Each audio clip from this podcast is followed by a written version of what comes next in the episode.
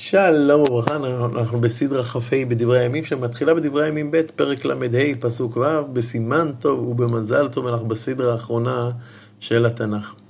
את הסדרה הקודמת סיימנו במהפכה הרוחנית שעושה יאשיהו לאחר חורבן הרוחני שהנהיגו אביו ובעיקר סבו מנשה. זו מהפכה שכדי להבין אותה צריכים לחשב גם את השנים של מנשה, השנתיים של עמון, עשרים שנים עד שיאשיהו מתחיל בפועל לצאת כנגד העבודה הזרה ולהוביל לתיקונים מעשיים.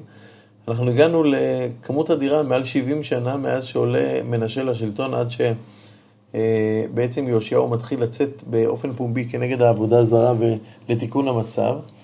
אם אנחנו נשווה את זה, אנחנו יכולים להשוות את זה ליהדות שהייתה ברוסיה עד עליית הקומוניזם, יהדות שהיה בה הרבה אמונה וחסידות ולימוד תורה משמעותי. ו-74 שנה אחר כך, כאשר השלטון הקומוניסטי נופל, נותרת בה שממה רוחנית.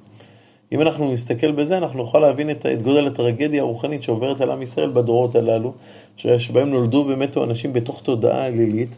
נבין גם את גודל המעשה ואת גודל התיקון של יאשיהו. יאשיהו פועל ללא אה, אה, הפסקה על מנת לתקן את המצב, ובין השאר יאשיהו מכריז על הקרבת הפסח, שככל הנראה פסקה בימי המלכים הרשעים שקדמו לו. ויאשיהו פונה ללווים ואומר להם, ושחטו הפסח, והתקדשו ויכינו לאחיכם לעשות כדבר אדוני ביד משה. וירם יאשיהו לבני העם צאן כבשים ובני עזים, הכל הפסחים וכל הנמצא למספר שלושים אלף ובקר שלושת אלפים אלה מרכוש המלך.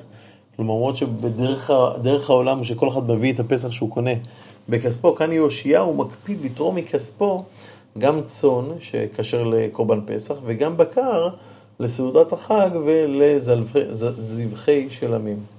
וגם השרים שלו בעצם אה, מנדבים אה, אה, לטובת הקורבנות, ושריו לנדבה לעם, לכהנים וללוויים הרימו. חלקיה וזכריה ויחיאל נגידי בית האלוהים, עכשיו יש רשימה של אותם כהנים. לכהנים נתנו לפסחים 2,600 ובקר 300, כלומר, יש פה פירוט של מה שהם נתנו, ויחונניהו, שמעיהו, נתנאל אחיו, וחשביהו, ויעל, ויוזבת זרי הלוויים, הרימו ללווים לפסחים חמשת אלפים ובקר חמש מאות. ותיכון העבודה, כלומר עבודת בית המקדש נעשתה באופן מלא. ויעמדו הכהנים על עומדם, והלוויים על מחלוקתם במצוות המלך, וישחטו הפסח, ויזרקו הכהנים מידם, והלוויים מפשיטים, כלומר שחיטה והפשטה הייתה, של אורות הפסחים הייתה על ידי הלוויים. לעומת זאת, זריקת, אדם וקבלת אדם הייתה על ידי החכמים. והסירו העולה לתיתה למפלגות לבית אבות, לבית, אה, לבני העם, להקריב לאדוני, ככתוב בספר משה וכן לבקר. ויבשלו הפסח באש כמשפט, והקודשים בישלו בסירות ובדוודים בצלחות, והריצו לכל בני העם. כלומר, יש פה באמת אה, עשיית פסח מדוקדקת מאוד. מחר הביאו להם ולכהנים, כי הכהנים בני אהרון בעלות העולה והחלבים עד לילה, והלוויים הכינו להם ולכהנים בני אהרון, והמשוררים בני אסף על מעמדם, כמצוות דוד ואסף והימן ועידותון חוזה המלך, והשוערים לשער ושער, ואין להם לסור מעל עבודתם, כי אחיהם הלוויים הכינו להם. ותיקון כל עבודת אדוני ביום היו לעשות הפסח, ובהעלות עולות על מזבח אדוני כמצוות המלך יאשיהו.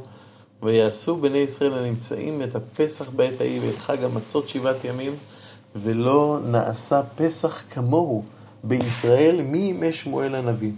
וכל מלכי ישראל לא עשו כפסח אשר עשה יאשיהו והכהנים והלווים וכל יהודה וישראל הנמצאים, הנמצא ויושבי ירושלים. יש פה איזו אמירה מאוד מפתיעה, ולא נעשה פסח כמוהו בישראל מימי שמואל הנביא. מה מיוחד בפסח הזה? במה למשל הפסח הזה שונה, שונה מהפסח שהיה בימי חזקיהו? אז הפירוש המיועד, המיוחס לרבי סעד הגאון וגם הרד"ק הולך בדרך הזאת, הם סוברים שבעצם אה, ב, ב, מה שמיוחד פה זה בעצם החזרה בתשובה. כלומר, יש פה איזו טהרה מופלאה של כל עם ישראל. ביחד, בניגוד למשל לתקופת חזקיהו, שבו רבים מעם ישראל לא יטהרו. וכאן בעצם יש פה טהרה של עם שלם, שבעצם אה, זועק השם הוא אלוקים וחוזר בתשובה, והדבר הזה הוא זה שמייחד את ה... אה, אה, בעצם קורבן פסח הזה, ואומר שלא היה כמוהו מעולם. דבר נוסף, הוא שם מיוחס לרש"י, הוא אומר שמעולם לא היה פסח שבו המלך והשרים היו אלה שמממנים את הפסחים ושלמי החגיגה. המלבים כותב שזה הפסח הראשון שבו כל הנמצאים בארץ ישראל התכנסו לעשות ביחד את הפסח. החידה בחומת תנ"ך כותב שלא היה פסח שעשו בכזה חיל וחיל ורעדה בלב שלהם, כמו שעשו אה, בפסח הזה, שהגיע אחרי שמצאו את ספר התורה ואחרי נבואת חולדה הנבואה, הנביאה. ויש עוד פירושים שונים על העניין הזה, אבל מכל מקום נראה שכל הפירושים בעצם משלימים זה את זה. היה פה פסח שהוא באמת פסח מיוחד מאוד. 18 שנה למלכות יאשיהו נעשה הפסח הזה. אחרי כל זאת, אחרי כל התיקון הגדול שעשה יאשיהו, אשר הכין יאשיהו את הבית, עלה נכו, מלך מצרים, להילחם בקרקמיש על הפרת. אז פרעה יוצא צפונה להילחם בקרקמיש, הוא כמובן עובר בארץ ישראל, כי זה, זה הדרך היחידה שאפשר לעבור דרכה. ויצא לקראתו יאשיהו, יוציא. יאשיהו מחליט שהוא לא נותן לפרעה לעבור בארץ ישראל, יוצא לקראתו בצבא. וישלח אליו מלאכים לאמור, מלך מצרים שולח מלאכים למלך יהודה, ואומר לו אה, בהודעה שהוא מוסר באותם, ביד אותם מלאכים, מה לי ולך מלך יהודה?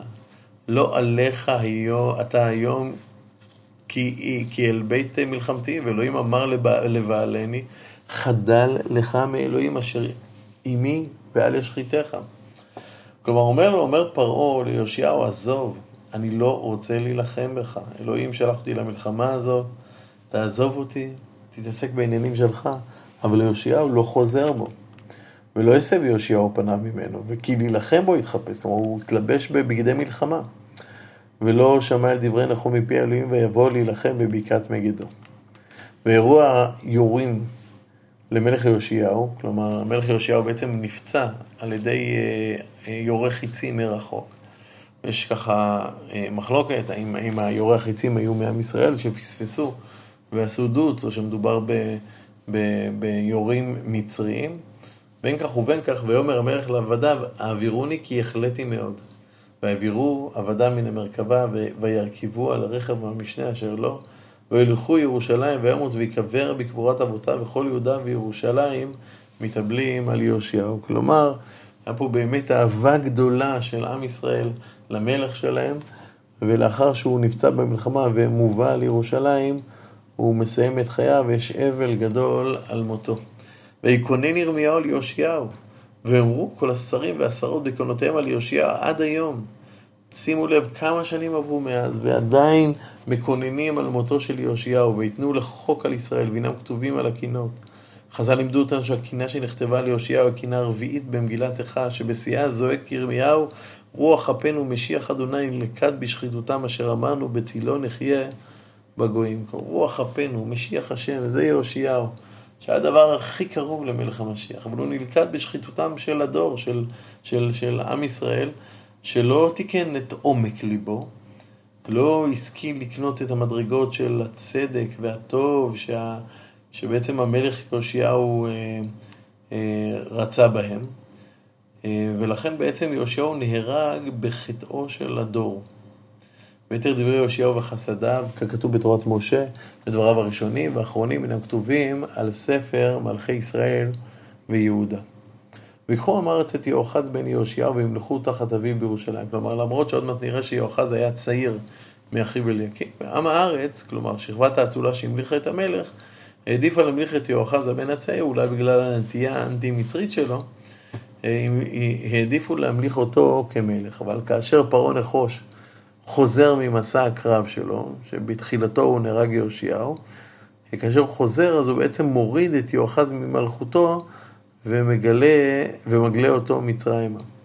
בן שלוש ועשרים שנה יואחז במלכו, ושלושה חודשים הלך בירושלים. וסירו מלך מצרים בירושלים, ויענש את הארץ מהכיכר כסף ומהזהב.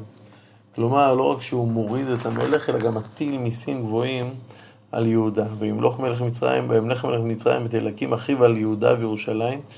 ואליקים היה כנראה בעל תודעה ונטייה מצרית. ויסב את שמו יהויקים, ואילו יהואחז אחיו למד, לקח נכו ויביאו מצרים. כלומר, את המלך הקודם מורידים בגלות למצרים. בן 25 שנה יהויקים במולכו. אחת ואחת עשרה שנה מלך בירושלים, והיה סערה בעיני אדוני אלוהיו. עליו עלה נבוכדנצר מלך בבל ויעשרון בנחושתיים לא לכו בבלה. כלומר, המאבקים בין בבל לבין מצרים מובילים הן את זו הן את זאת, כל אחד בתורה לפלוש לארץ, לשדוד את אוצרותיה, למנות מלך בובה מטעמם. ומכלי בית אדוני הביא נבוכדנצר לבבל ויתנם בהיכלו בבבל. ויתר דברי יהויקים ותועבותיו אשר עשה, ונמצא עליו הנם כתובים על ספר מלכי ישראל ויהודה וימלוך יהויכין בנו תחתיו. בן שמונה שנים יהויכין במולכו, ושלושה חודשים ועשרת ימים הלך בירושלים והיה שרה בעיני אדוני. הילד בן שמונה שנים, שלושה חודשים וכמה ימים הולך ועושה רע. ולתשורת השנה שלח המלך נבוכדנצר ויביאו בבלה עם כלי חמדת בית אדוני, כלומר יש פה ממש שוד ששודדים את בית המקדש, וביחד עם, ה, עם השוד הזה גם לוקחים את המלך בשבי. אה, וימלך את צדקיהו אחיו על יהודה וירושלים. מדוע הוא בעצם נמצא ב... ב, ב, ב מלך בבל בעצם מוריד את יהוכין לגלות.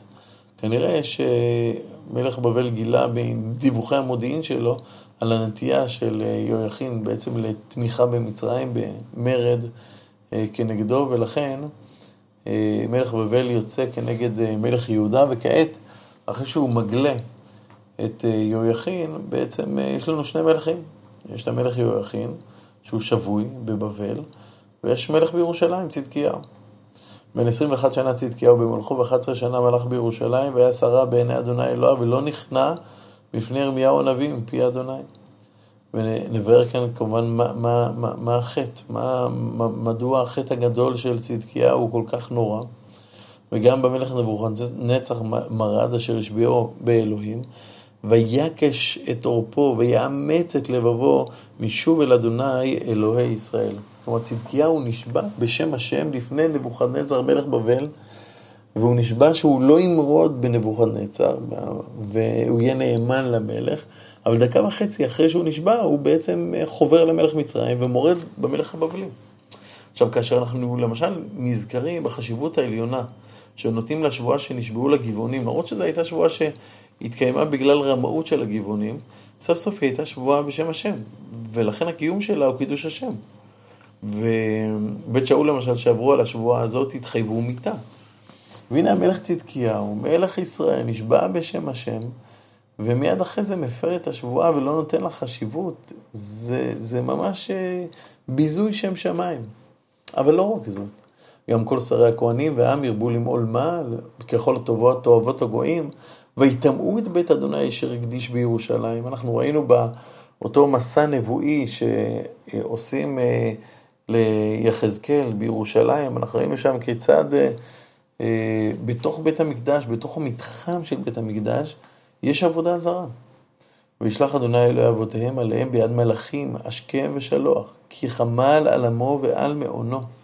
כלומר, השם מאהבתו לישראל ניסה לתקן את דרכיהם באמצעות הנביאים, אבל זה לא הועיל. והיו מלהיבים במלאכי האלוהים, ובוזים דבריו, ומתעתעים בנביאיו, עדלות חמת אדוני בעמו, עד לאין מרפא. כלומר, נביאי השם התקבלו בבוז, בלעג, לפעמים אפילו באלימות. ולכן בא החורבן והגלות. ויעלה למלך כסדים, והרוג בחוריהם בחר בבית מקדשם, ולא חמל הבחור בתולה זקן וישיש, הכל נתן בידו. וכל בית האלוהים הגדולים והקטנים, ואוצרות בית אדוני, ואוצרות המלך ושריו, הכל הביא בבל, הכל נתן בידו. כלומר, הכל בעצם, כל האוצרות, גם מבית המקדש וגם מבית המלך, הכל נשדד, הכל מובא לבבל. וישרפו את בית האלוהים וינצו את חומות ירושלים וכל ארמונותיה שרפו באש וכל מחמדיה להשחית. ויגל השארית מן החרב אל בבל ויהיו לו לבנים ולעבדים עד מלוך מלכות פרס. כל זה על פי נבואת ירמיה. למלות דבר אדוני בפי ירמיהו עד יצתה הארץ שבתותיה כל ימי השמה שבתה למלאות שבעים שנה. כלומר, במשך שבעים שנה אה, של גלות, עם ישראל כאילו מחזיר לארץ ישראל את אותם שמיטים ויובלות שהוא היה צריך אה, לשמוט בהם את הקרקע והוא לא שמט, ולכן בסופו של דבר הקרקע שומטת את עם ישראל מתוכה. ובשנת אחת לכורש מלך פרס ולכלות דבר אדוני בפי ירמיהו, העיר אדוני את רוח כורש מלך פרס, ויעבר קול בכל מלכותו וגם במכתב לאמור. כעת מצהירים, מגיעים להצהרתו של כורש. כה אמר כורש מלך פרס, כל ממלכות הארץ נתן לי אדוני אלוהי השמיים, והוא פקד עלי לבנות לו בית בירושלים אשר ביהודה. מי בכם מכל עמו אדוני אלוהיו עמו ויעל. החורבן והגלות אמנם היכו בנו, אבל אחרי קוטלנו נושבת להם רוחות אה, שיבה לארצנו. הנה יש אישור לחזור ולבנות את בית קודשנו. הקדוש ברוך הוא נותן לנו ברחמיו את ההזדמנות להתחיל מההתחלה. ועל זה אנחנו אומרים חזק חזק ונתחזק. סיימנו, ברוך השם, את כל לימוד ספר התנ"ך.